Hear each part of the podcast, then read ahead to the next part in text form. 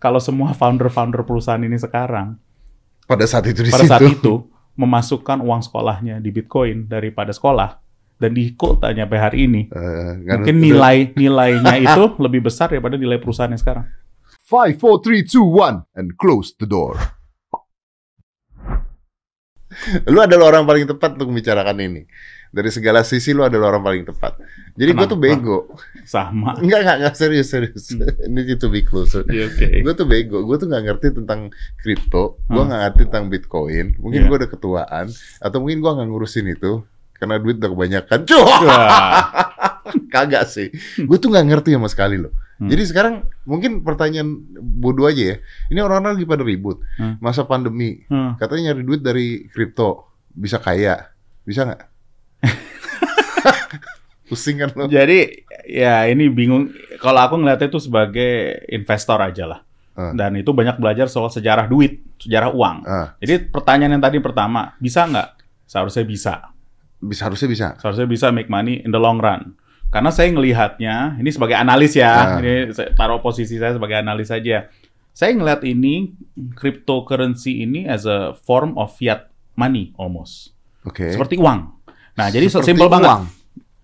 Ini adalah tempat menaruh uang di mana dalam 10 tahun dari sekarang nilainya bisa lebih tinggi daripada hari ini. Kayak contohnya, contohnya mirip kayak emas. Contohnya mungkin mirip seperti aset. Perbedaannya sangat simpel tapi emas. Tapi kan ini nggak ada barangnya. barangnya itu mirip seperti uang makanya kan. Uang itu kan sama juga uang itu apa?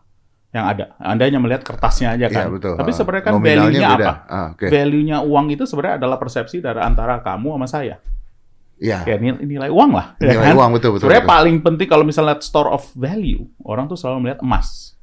Oke, kan emas kan ada ada Ada bisa value-nya, dipegang, bisa dipegang. dan berpuluh-puluhan tahun, berat, beratusan ratusan tahun lah. Betul. Cuman Iya. kan kalau uang nih, Bro. Hmm. Kalau uang, uang ini kan uang ini kan akan terpengaruh dalam keadaan negara tertentu, Betul. permainan pemerintahnya, Betul. semuanya lah. Inflasi, Betul. deflasi dan Inflasi, sebagainya, betul. gitu kan. Nah, si kripto ini Kripto ini mungkin agak berbeda karena dari awal kan supply demand nih. Nah, itu dia kan base-nya supply, demand. Ya makanya mirip dengan uang. Nah, kalau supply demand, demand-nya itu yang harus ditambah supply-nya kalau kripto atau Bitcoin lah. Saya kasih contoh Bitcoin. Kalau Anda ngomong cryptocurrency, yang paling dikenal adalah Bitcoin. Mm-mm. Kenapa Bitcoin? Karena supply-nya paling banyak. Tetapi supply Bitcoin dari awal udah ditetapkan angkanya X. Nggak bisa berubah tuh. Nggak bakal bisa berubah. Tahun 2040 saya baca, udah habis itu supply. Dan gimana cara membuatnya? Membuatnya melalui yang namanya saya ngasih terms baru ya nih ya. Ah. Bitcoin mining namanya. Jadi mining untuk memproduce dan itu menggunakan semacam sistem yang desentral. Tambah bingung nggak? Tambah bingung. Tambah bingung. Gimana? Jadi dia Poinnya sangat Jadi simpel. boleh dibuat lagi. Bisa dibuat terus, tapi jumlahnya tuh cap total. Kalau saya nggak salah angkanya 40 jutaan. Nah, kalau udah Total. ada cap total nggak bisa dibuat lagi dong. Nggak bisa dibuat lagi. Makanya tergantung view orang. Orang mau jual apa enggak gitu. Orang nggak, nilainya makin bertambah. Nilainya makin berharga. Oke, oke. Kurang oke. lebih gitu. Kurang lebih gitu ya. Oke. Oke, berarti tidak bisa ditambah lagi. Iya. Mining juga nggak bisa buat nambah itu kan? Nggak, mining itu hanya proses Ah. untuk menambah yang ada sampai mencapai akhir tertentu. Untuk Untuk Bitcoin. cap Bitcoin Untuk itu Bitcoin. yang tertentu nilainya hasilnya segini. Oke. Nah, sekarang gini. s- kalau uang kan kita percaya sama pemerintah nih ceritanya. Hmm. Ada safety ness-nya. Hmm. Ya walaupun kadang-kadang kalau misalnya nol dicoret ya dicoret aja sih. Nggak bisa ngomong apa-apa juga sih. Iya. Cuma maksudnya kan ada regulasinya, ada safety Betul. ness-nya nih. Ada regulasinya. Ya. Nah, sekarang kalau misalnya Tergantung Bitcoin- orang yang bikin regulasinya. tergantung siapa yang jadi Ya, pemerintahnya. ya, ya, nah, sekarang kalau misalnya Bitcoin nih, Betul. kan gua nggak tahu kalau itu siapa yang megang regulasinya, gua nggak tahu itu bener apa enggak, gua nggak tahu ini ada ada permainan konspirasinya enggak, Hmm. kan nggak ngerti apa-apa, Hmm. Bro.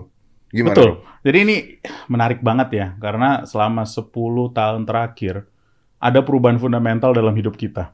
Hah. Kita udah ngomong teknologi. Terakhir aku kita di Pak aku di Pak menghadap Mas Dedi kan ngomongnya soal bursa, Bursa, soal betul. Apa namanya eh, bisnis teknologi, perusahaan-perusahaan yang ngubah seperti si cepat, Si ya kan, cepat. yang ngubah apa namanya bisnis logistik di Indonesia.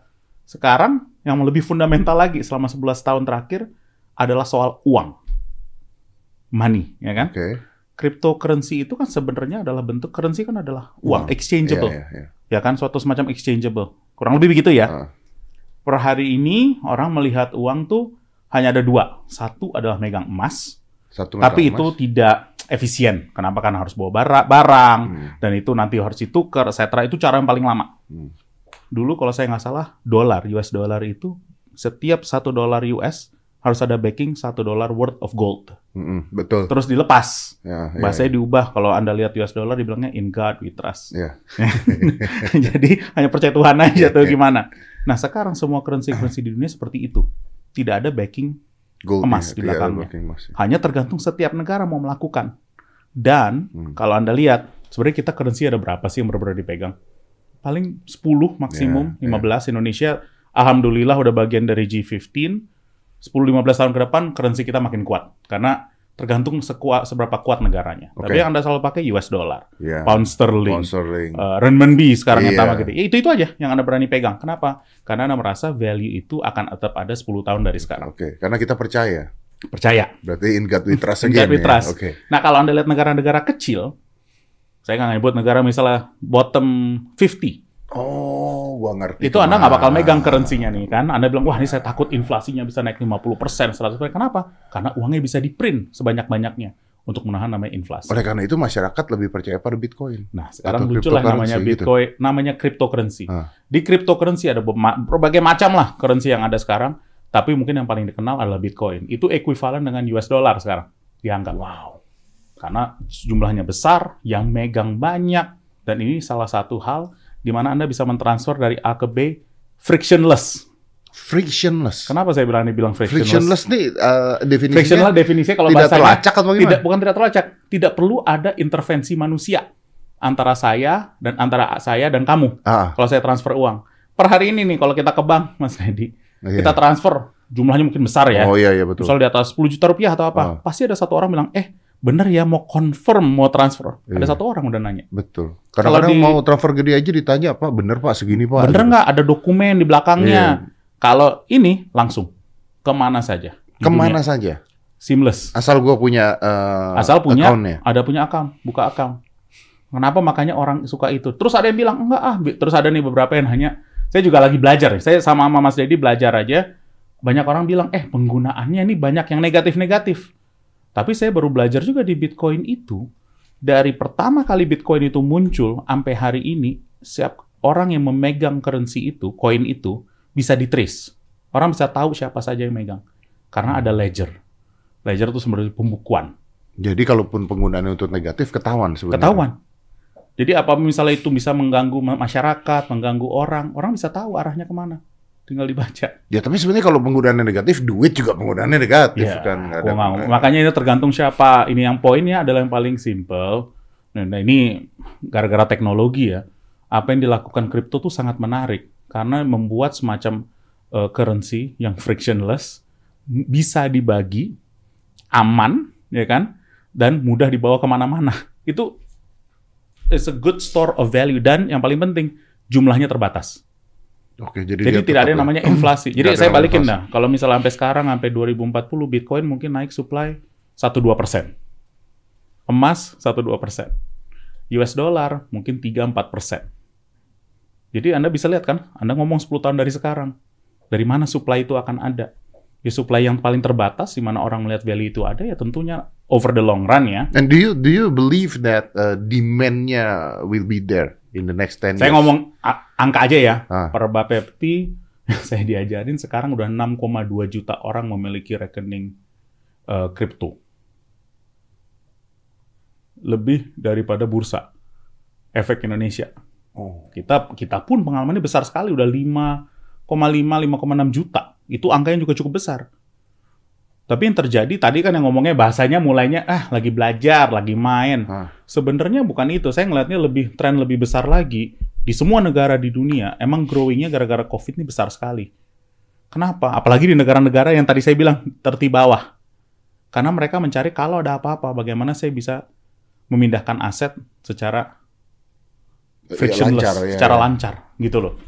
Oke, Da- artinya di sini kan kalau misalnya main saham atau main apa, orang ngomongnya main ya. Mm-mm. Harusnya di sini kalau kripto bukan bukan bicara Bukan. bukan main dong. Bukan. You invest gitu kan. sama dengan saham juga sih mas Iya, saham iya, juga invest semua nggak ada yang main-main lah uang uang kita Uang kita Tapi kerja maksud gue keras. begini loh, maksud gue keras, apakah mungkin si kripto ini atau bitcoin atau whatever it is tiba-tiba satu hari meledak dar tiba-tiba. Kalau saham kan bisa terjadi, hancur tiba-tiba dar bisa terjadi. Is balik ke underlying loh. Jadi baliknya ya lagi dari sisi demand and supply. Ya, Jadi sem- seperti currency juga, Mas. Oke, kalau seperti currency dan dia based on demand and supply, berarti kalau ada satu orang bicara Nah, seperti jadi- kejadian, jadi- ngaruh terhadap nilainya dong. Sedikit pengaruh. Ada memang mengaruhnya karena besarnya yang dipakai. Dan yang menarik ini ini memang aset kelas yang masih sangat berkembang. Dan memang sekarang kalau dilihat apa sih kemungkinan kalau risk ya, saya ngomong risknya aja karena tetap aja menurut saya ini masih aset spekulatif menurut saya. Kenapa? Karena belum banyak yang mengerti. Hmm. Secara garis besar belum banyak yang mengerti lah. Saya pun masih banyak belajar di sini. Bisa dibilang ini spekulatif kenapa? Karena harganya per hari bisa berubah. Beda dengan currency, karena currency jangan- tadi yang. Mas bilang dikontrol. Mm-mm, dikontrol. Kontrol currency dikontrol. Jadi harganya tuh bisa sama terus. Jadi kalau Anda ngelihat misalnya US dollar lawan apa, kan Kita harganya tahu biasanya harganya. tahulah kurang lebih. Iya. Nah, kalau ini bisa berubahnya 10-15% Oh, shit. per hari, bisa per jam, ya kan? Karena supply and demand yang betul-betul fluktuatif. fluktuatif. Karena memang jangan lupa juga currency-nya juga masih baru, baru 10 tahun. Anda bandingkan dengan rupiah berapa? Dari 1945 mungkin kan. US dollar dari berapa tahun 1770 Nah, kalau misalnya seperti itu kan artinya orang akan akan nyoba ini untuk eh, main dong. Betul. Jadi kalau ini. ada jadi ada dua kan seperti saham juga, Pak. Yes. In a way. Ada orang yang Either pengen belajar invest. spekulatif, ada orang yang pengen invest saja. Tapi saya cukup yakin kalau Anda megang ini dari tahun 2010-2011, Ya udah untung ya sekarang. mungkin ma- ya Mas Dedi pasti sponsorin diri sendiri acara gini. Iya. Oh, wow. Iya dong. If you hold it from now to then, it's a better investment daripada beli di seluruh perusahaan teknologi pada tahun yang sama, 2010. Iya, iya, iya, iya. Jauh lebih tinggi Itu masuk akal. value-nya. Jauh Betul. lebih tinggi. Jauh lebih tinggi. Jadi itu misalnya contoh lah, kalau semua founder-founder perusahaan ini sekarang Pada saat itu di pada situ. saat itu memasukkan uang sekolahnya di Bitcoin daripada sekolah dan di tanya sampai hari ini, kan mungkin nilai nilainya itu lebih besar daripada nilai perusahaannya sekarang. Menarik kan? Tapi ya itu lucu-lucuannya lah. Tapi itu bener kan? Emang harus ngeliatnya secara long run. Saya coba balik ke fundamental supply and demand. Oke. Pertanyaan bodoh aja nih. Misalnya orang beli eh, crypto- Pertanyaannya dalam. Enggak, bodoh Hmm. karena nggak ngerti gue. Orang beli cryptocurrency, Hmm. let's assume beli Bitcoin. So, berarti kan gue ada duit yang harus gue transfer kan, Hmm, ya kan? betul. Ke salah satu ke, Ke salah satu exchange atau ke salah satu bursa atau ke salah satu broker. Yes. Betul. So, is the government know? Government di Indonesia tahu kalau yang misal terdaftar di Bapepti. Jadi kalau gue beli eh, Bitcoin lah, Bitcoin gitu, Hmm. is the government know kalau duit gue ada di Bitcoin? Tahu. Tahu. Seharusnya tahu. Apakah masuk ke kekayaan? Karena kan bisa di- kekayaannya masuk kan, udah dilapor seharusnya. Iya. Sama seperti saham. sama Bapepti seperti saham, melakukan- sama seperti kita. Dan juga harus ada perlindungannya juga di situ. Karena salah satu ketakutannya mas adalah soal orang nanti tiba-tiba kabur aja. Misalnya exchange kan udah pernah terjadi di beberapa negara di Turki yang barusan terjadi terakhir. Orang taruh uang, uh, uang di semacam brokerage, brokerage kabur. Ah. Tapi ba- bagusnya bisa di trace semua uangnya ke mana. Ya, ya, Karena ya, pakai betul. Bitcoin jadi ketahuan dia yang ngambilin gitu loh. Oke, orang bisa uh, bisa nggak beli Bitcoin tanpa traceable? Selalu di trace. Yang menarik dari Bitcoin itu itu ledger di mana ditulis siapa yang punya. No, no. I mean ketika lu belinya, Heeh. ketika lu belinya bisa nggak tidak ke trace Ke trace oleh siapa? oleh pemerintah? Loh. ya bisa mah bisa lah. ya. Gue ketawa aja, Ya nanyanya susah kan, bener kan, pinter kan nanyanya. Saya yang jawab kalau misalnya Bitcoin itu semua bisa ada di traceable, there's a ledger, itu aja oleh Bitcoin. Oke, oke. Ya, berarti kan kalau ini berkembang secara gila-gilaan besar, semakin besar. eh, negara kita rugi dong.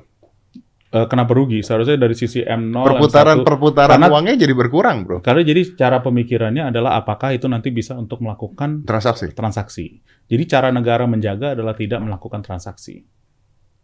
Hmm. Sebenarnya yang harus dipikirin bukan soal Bitcoin ya mas. Sebenarnya yang paling penting adalah cara mereka men-setting currency itu mau di mana itu frictionless, etc. Kan the threat, kalau bukan threat lah, maksudnya pemikiran untuk semua central bank. Central bankir, apakah efek ini kepada perputaran uang, kalau bahasa kerennya M0 sama M1 ya bahasa bahasa ekonom ya, Iya. perputaran uang di suatu ekonomi. Yang Hmm. paling penting kan itu. Nah, memang kalau untuk negara-negara besar, G15, termasuk Indonesia, mereka pasti mikir apa sih kesempatan, apakah risk, tapi juga yang harus dipikirin apa sih kesempatannya buat kita sebagai negara. Jadi sekarang nih masih banyak pertanyaan intinya. Bukannya pertanyaan, harus menciptakan view. Bukan pertanyaan, view. Mau Karena saya ngelihatnya bukan aja sebagai risk, saya melihatnya apakah kesempatan buat Indonesia ke depan. Sistem, kan ada bahasa satu lagi yang sebenarnya kita nggak ngomongin adalah blockchain. Hmm. Blockchain itu adalah teknologi di belakang yang nge-power itu bagaimana membuat ledger itu. Itu seperti chain, Mas. Namanya blockchain tuh chain, chain tuh dua, tiga, empat gitu loh. Dan semakin banyak eh, tempatnya apa Bitcoin mining itu, itu chain-chain ini disimpan semua di situ. Sebenarnya paling aman. Tapi anyway, we're digressing. Yang paling penting untuk semua central bank pertanyaannya, eh, apa sih kesempatan buat negara saya mengetahui soal soal eh, cryptocurrency ini? Hmm, Jadi harus tahu mau dikemanain larinya gitu ya. Kalau kayak Cina, pilihannya saya mau bikin sendiri Iya, iya. iya. untuk memperkuat posisi saya.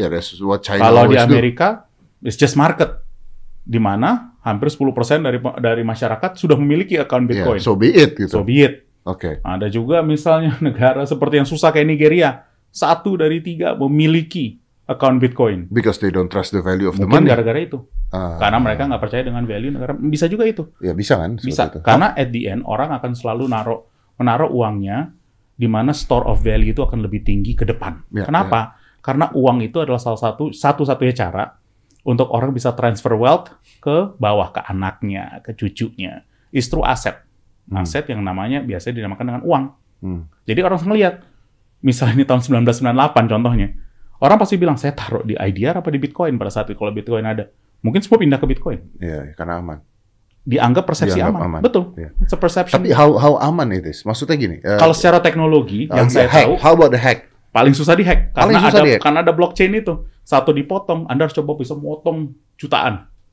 Capek, waktunya terlalu lama to hack it. You probably would have transferred already your money somewhere else. Hmm. Lebih lama untuk hack uang itu daripada transfer uang itu. Oke, oke, oke. Jadi eh, dari sananya lebih safe gitu ya. Ya. Oke, eh, g- eh, gimana caranya kalau gue punya Bitcoin terus gue mau menggunakan ini sebagai transaksional? What can I do? Nah, itu susah. Karena transaksional itu tergantung apakah lawan Anda mau menggunakan itu can I buy a car from it? Di Amerika ya, waktu itu katanya udah ada yang mau coba transaksi bisa beli mobil dari situ. Tergantung tempatnya. Di satu dua negara di Latin Amerika udah bilang Anda bisa bertransaksi dengan Bitcoin untuk kesehari-harian. Tergantung tempatnya atau tergantung Tergantung pertama tergantung owner Ah, dua-duanya, kedua belah ah, pihak. ah. Tergantung juga negaranya. Ya, maksudnya itu pertanyaan gue. Misalnya lu jual mobil nih, lu Hmm. jual lu showroom jual mobil, gue mau beli mobil Per hari ini di Indonesia nggak bisa. nggak bisa. Tapi kan kalau lu sebagai orang yang memiliki cryptocurrency, eh, value-nya sama. Kalau mereka berduanya mau, saya nggak bisa ngomong. Tergantung negaranya, karena negaranya ini ini ada ada politiknya juga. Nah itu dia gitu. adalah kalau buat Indonesia menurut saya tetap kita harus belajar em, tentang pergerakan uang itu penting ya kan jadi kripto tuh per hari ini nih mas ini kan acaranya mas banyak dilihat banyak orang jadi saya juga mau bilang ini tetap spekulatif in nature tapi ya saya juga saya juga kita harus bisa mendalami aset Hmm. ini seperti apa don't say much before you know it. Gitu loh. Kalau Oke, saya selalu gitu Kita loh harus belajarin belajar dulu. terus. ya. belajarin terus. Karena bisa aja tiba-tiba dia meledak, kita bodoh nggak ngerti apa-apa, betul. Atau kita nggak siap-siap, mereka hancur, kita terlalu kita terlalu ini trust gitu. betul. Jadi ini tetap spekulatif in nature tapi tetap harus dipelajari. Karena ya buat saya menarik bukan soal oh ini bitcoinnya berapa ini berapa. Bukan. Teknologi di belakang itu buat saya sangat menarik. Karena maybe this is the future of fiat money bisa aja nanti Indonesia bilang saya mau bikin sendiri crypto IDR bisa and that's not a bad idea kalau itu bisa maksudnya memberi lebih banyak transparansi dan frictionless buat transaksi di Indonesia itu makin bagus menurut saya. Apa yang bisa lebih bagus buat Indonesia? Why not? Karena frictionless artinya tidak terbatas seberapa ya Bu, transfernya? itu satu dari sisi kuantitas, Iya tapi juga kecepatan bertransaksi, Iya, iya. ya kan? Jadi coba dilihat juga positifnya dari kemungkinan cryptocurrency ini. Kripto ini kan banyak, jadi currency-nya banyak, tapi teknologi di belakangnya itu. Karena itu bisa sangat membantu dari sisi bertransaksi, kemudahan sehari-hari, bekerja, untuk gerakan ekonomi. Mungkin harus ngeliatnya ke sana juga, Mas Dedi.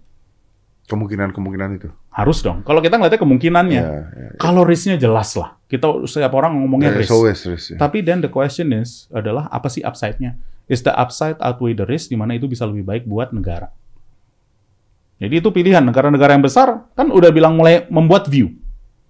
Ya, we also probably should form a view sooner or later. Tapi we will, I'm sure. Karena Oke. banyak orang pinter kok Ya. yang pasti akan akan mikirin bagaimana nih kripto dan artinya. Kalau apa. masyarakatnya sekarang masih pilihan ya. Kalau buat masyarakat mereka dong, ya? sekarang mungkin ya yang nonton ini Mas Dedi juga saya juga masih harus belajar banyak. Kalau saya bilang jangan membeli sesuatu karena teman ngomong. Beli sesuatu karena Anda ngerti dan Anda mau lebih mempelajari. Harus gitu. Kalau enggak nanti harganya turun, wah saya gara-gara Iya, dengar gara-gara denger podcastnya Mas Dedi turun wah, nih. turun katanya. Tapi kalau nanti naik, ah gara-gara kita nggak dengerin podcastnya Mas Podcast Dedi. naik katanya, ya kan benar juga. Kita kita jadi bertanggung masalah jawab. tanggung jawab moral. Because aku- actually based on sup- supply and demand, omongan kita bisa menjadi supply and demand orang kan jadi tapi masalahnya ya, kan. paling penting belajarin dulu deh. Jadi ini tetap aset yang spekulatif per hari ini, tapi tetap harus dipelajarin. Apa ini artinya? Karena kalau you nggak pelajarin dan hanya ngomong, ya ini salah satu cara belajar ya penting berdiskusi seperti ini. Mas Dedi nanyain pertanyaan yang menurut saya bagus banget. Ya saya mencoba jawab sepengetahuan saya. Saya pun bukan expert, saya masih Ya, belajar. ya, ya, ya. Dan kalau dibilang expert ya expertnya nggak Tapi begitu banyak, nggak begitu yang banyak orangnya. Ini kan baru Semua kan, belajar. bro. Semua belajar kan. Jadi ya kita belajar aja. Ya, makanya saya berani bilang spekulan kenapa? Jangan juga taruh all your egg in one basket. Jangan taruh semua aset kamu di sini juga. Ya janganlah. Ah, Mau masih belajar gitu loh. Ya, shit happen abis gitu Ya, saya ya. nggak ngomong bahasa gitu. Saya bilang ya belajar dikit-dikit lah. Belajar Nyoba dikit-dikit. bel- Nyoba tapi belajarin. Jangan nyoba abis itu, wah besoknya turun langsung jual. Ya pasti rugi lah.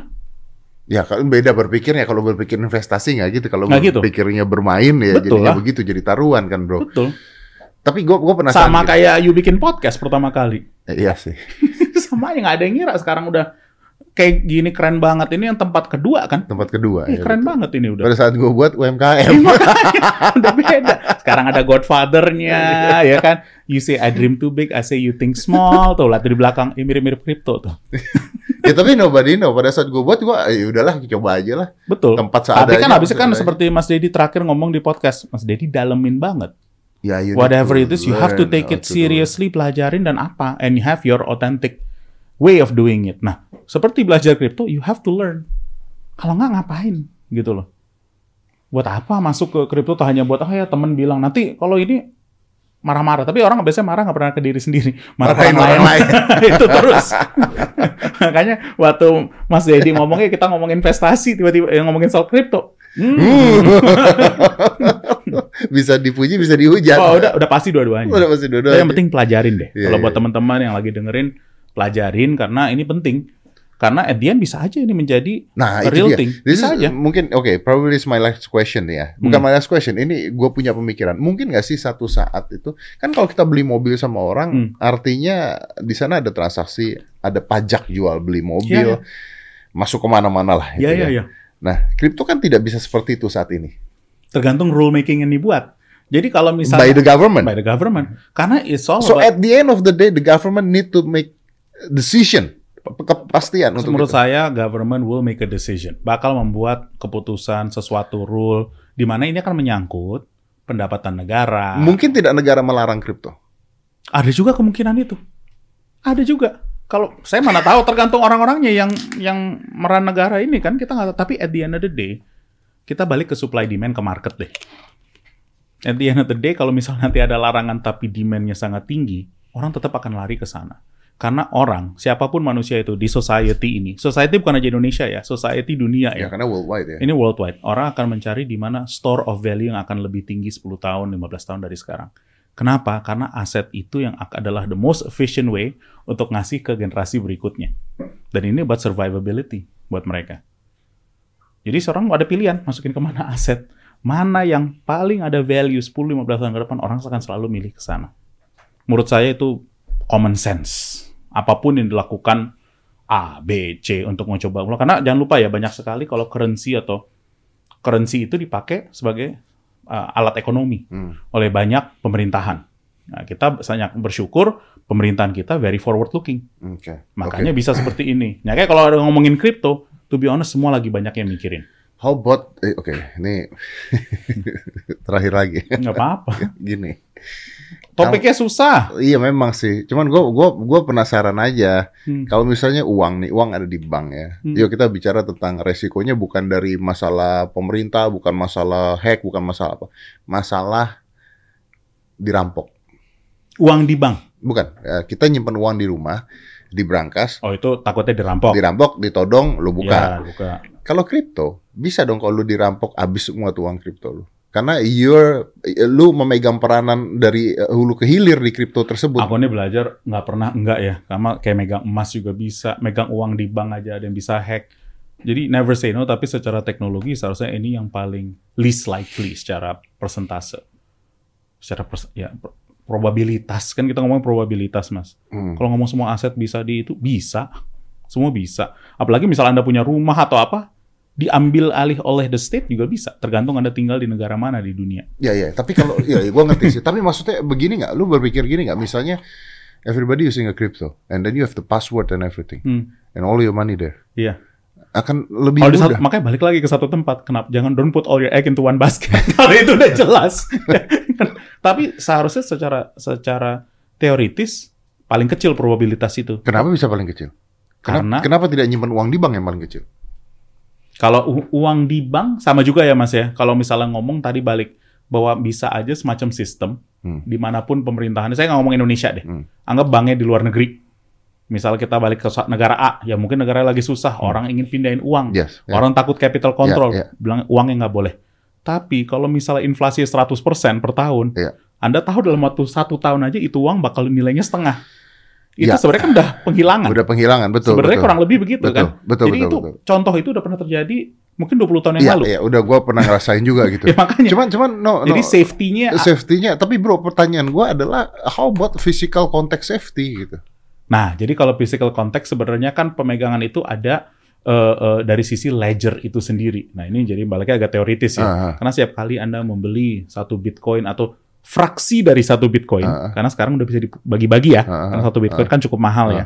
Fraksi Bitcoin itu Anda sebenarnya mempunyai ledger tulisan dan itu disimpan di mana-mana. Jadi Anda tuh bisa misal kayak exchange lain saya bilang saya punya kripto. Kadang-kadang bisa dimasukin semacam USB-C itu. Hmm, tahu gue ya. Tapi USB-C itu walaupun hilang itu masih bisa diduplicate. Yang penting itu milik uniquely kita. Nah, selama Anda memegang quote unquote passwordnya, unique identification number-nya. Tapi ini kan masih baru banget nih. Hmm. Jadi karena kenapa? Karena saya rasa dari antara kita masih belum memegang USB-C ke mana-mana megang duit. Kita masih pakai app lah dan app is the easiest way sekarang untuk megang uang. Hmm. Tapi jawabannya pertanyaannya apakah bisa gini-gini? Pasti nanti ceritanya ada. Tapi yang paling lumrah sekarang kalau dilihat lima tahun terakhir adalah eh, semacam exchange, tapi bohongin orang, duitnya diambil. Ingat nggak yang terjadi di Turki tuh? Ada dua orang ngambil, tapi akhirnya bisa di-trace juga ya megang siapa aja uang itu. bisa di trace juga. Bisa di-trace juga. Oh, iya tapi sebenarnya iya sih itu lebih gampang di trace-nya ya. Betul. Anda bisa tahu siapa yang megang sebelumnya. Karena mereka harus memindahkan kan. Iya, iya benar benar benar. Kalau physical diambil hilang. Ya ulang, kalau physical emas rupiah itu digabur-gabur you don't know who owns what. Ya, iya, Anda bilang Anda punya misalnya satu miliar rupiah dari rumah. Mana buktinya? Di foto, masa bener? Kalau ini bisa dibilang nih, satu miliar punyanya Mas Dedi. So if if you put a gun on my head and then you take all my crypto, Saya bisa tahu itu dari mana. Register. artinya kalau gitu harusnya regulasinya ada nih ya. Jadi kalau Loh udah ada, itu kan adalah teknologinya. Iya iya iya. Iya, jadi menurut saya sih Bukan maksud gua kan kalau kita sekarang ke polisi terus ngomong, "Pak, Iya. kripto saya diambil." Iya, iya, kalau kan? betul betul betul betul. Karena belum jarang. Iya, iya. Banyak kan malu. Banyak kan malu kalau itu. Tapi saya balik lagi, ini perbincangannya sih unik karena kan nggak mungkin Mas yang pertama nanyanya cukup dalam soal ini. Karena banyak karena banyak kan orang tuh takut-takut nanya. Kebanyakan karena mungkin udah pernah masuk terus turun malu. Tapi ada juga yang banyakan gede juga takut kasih tahu karena ntar pajaknya gimana. Gue nothing tulus, Bro. Gua nggak ngerti, Bro, masalahnya, Jadi- Bro. Jadi ini ini menarik banget karena emang ini aset kelas yang berkembang sangat banyak. Ini juga yang lucunya semakin banyak setiap tahun tuh perkembangannya drastis. Indonesia aja 6 juta, Mas. Gila, Gede ya. loh 6 juta dalam waktu setahun setengah terakhir. Pertemuan paling besar. Dan itu kalangan A sampai Z? Itu kalangan A sampai Z. Itu menarik loh. Wow. Iya makanya. Itu sangat menarik. Jadi nanti ngelihatnya bagaimana nanti ke depan. Dan investasi eh, banyak sekali investasi sekarang masuk kepada exchange-exchange kripto dan juga kepada broker-broker kripto sekarang. Karena mencari siapa yang paling bagus. Menarik kok, ini kayak pasar modal juga. Banyak Iya. sekali pemain teknologi berinvestasi di ngeliatin pasar modal exchanges atau apa brokerage sama juga di Karena gue tahu ini kayak pasar modal juga, makanya gue minta lu yang ngomong. Enggak lah, beda. Biar- beda. Kalau ini jujur saya masih analis lah, masih Semua belajar. juga masih analis masih kan. belajar. tadi Jangan lah. Takut aku ntar sama dibilangnya expert, aku nggak Oke. expert lah. Pandu Syari analis kripto. Analis. Analis. Aduh. Bahaya emang. Oke, oke, oke, oke. Udah nih mau gua tutup. Ya, Nah, sebelum gua tutup, mungkin gua tutupnya gini. Jadi menurut lo sebagai seorang analis, saya harus segera main nggak pak? jangan main investasi. Tapi tengat jangan lupa ini tetap spekulatif in nature. Saya harus pakai ini karena penting. Karena sebagian besar dari masyarakat kita tuh belum banyak belajar soal ini, banyak kan hanya mendengarin. Salah satunya mungkin menggunakan ini sebagai salah satu narasumber. Jadi saya juga mau berhati-hati kepada teman-teman yang lagi dengerin, pelajarin deh. Habis itu learn it over time. Jadi jangan hanya beli pagi, jual siang, beli pagi, jual siang. Eh aku bikin, jangan dengerin teman-teman kamu aja, kamu sendiri pelajarin. Karena banyak informasinya di internet kok. Tinggal dibaca, ya kan? Ya, ya, ya, ya. Salah satu dengerinnya Mas Dedi. Ya, ya, ya. Oke, berarti tetap aja eh, kita harus bermain logika ya. Logika aja. Main logika tapi juga banyak belajar. Kalau enggak, ya itulah. Itu dan itu regardless mau main mau mau apa investasi kripto, investasi di pasar modal. Ya paling penting investasi diri sendiri aja. Mas. Investasi sendiri. Iya paling penting. itu yang paling penting. brother.